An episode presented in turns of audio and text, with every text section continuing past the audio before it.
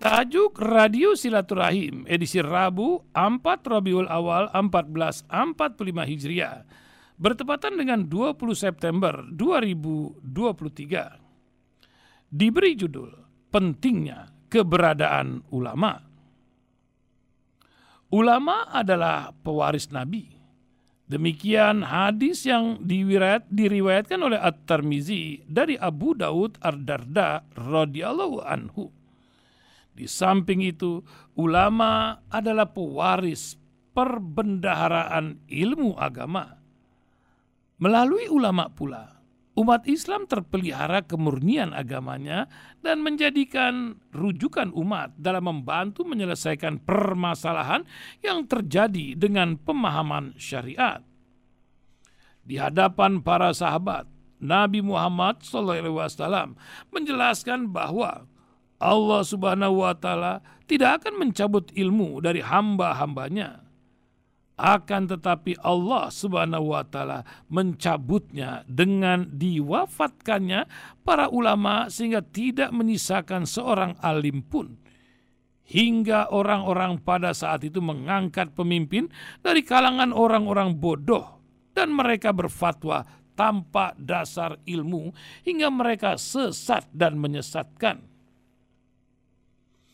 Ulama yang hadir di tengah-tengah umat saat ini adalah rahmat dan barokah dari Allah Subhanahu wa taala dan meninggalkannya seorang alim akan membuat umat kebingungan dalam mencari pegangan. Pun kini para ulama semakin langka. Bahkan generasi muda yang bercita-cita ingin menjadi ulama juga semakin sedikit. Lalu marilah kita tanyakan kepada anak-anak kita, generasi penerus agama ini.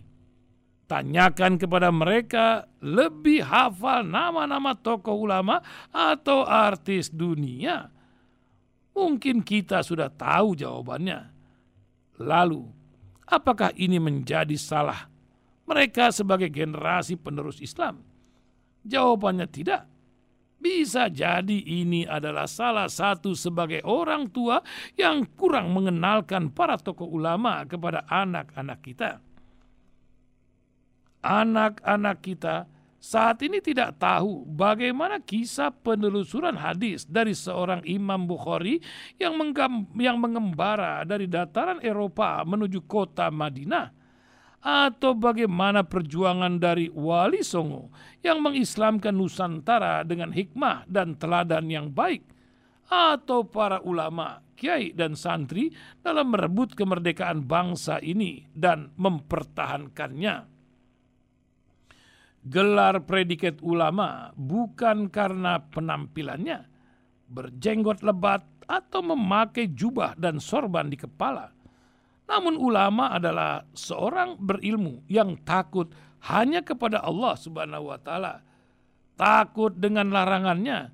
Allah Subhanahu wa taala berfirman dalam Al-Qur'an surat Fatir ayat 8. Dan demikian pula di antara manusia, binatang-binatang melata dan binatang-binatang ternak, ada yang berwarna, bermacam-macam warnanya dan jenisnya Sesungguhnya yang takut kepada Allah di antara hamba-hambanya hanyalah ulama. Sesungguhnya Allah maha perkasa, lagi maha pengampun. Ikhwan, ahwat semua. Membalas tentang keberadaan ulama dan dakwahnya di masa kini, Ustadz Husin Alatas selalu mengingatkan, walaupun ulama yang ikhlas berjuang semakin sedikit, tapi sejarah selalu membuktikan begitu banyak pasukan yang kecil dapat mengalahkan pasukan yang besar. Apalagi jika kita berangkat dari Al-Quran, surat At-Taubah ayat 33 yang berbunyi, Dialah yang telah mengutus Rasulnya dengan membawa petunjuk Al-Quran dan agama yang benar untuk dimenangkannya atas segala agama, walaupun orang-orang musyrikin tidak menyukai.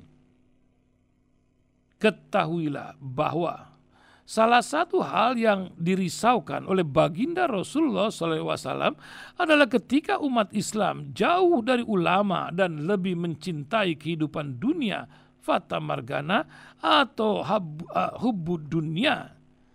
Inilah penyebab kehancuran umat.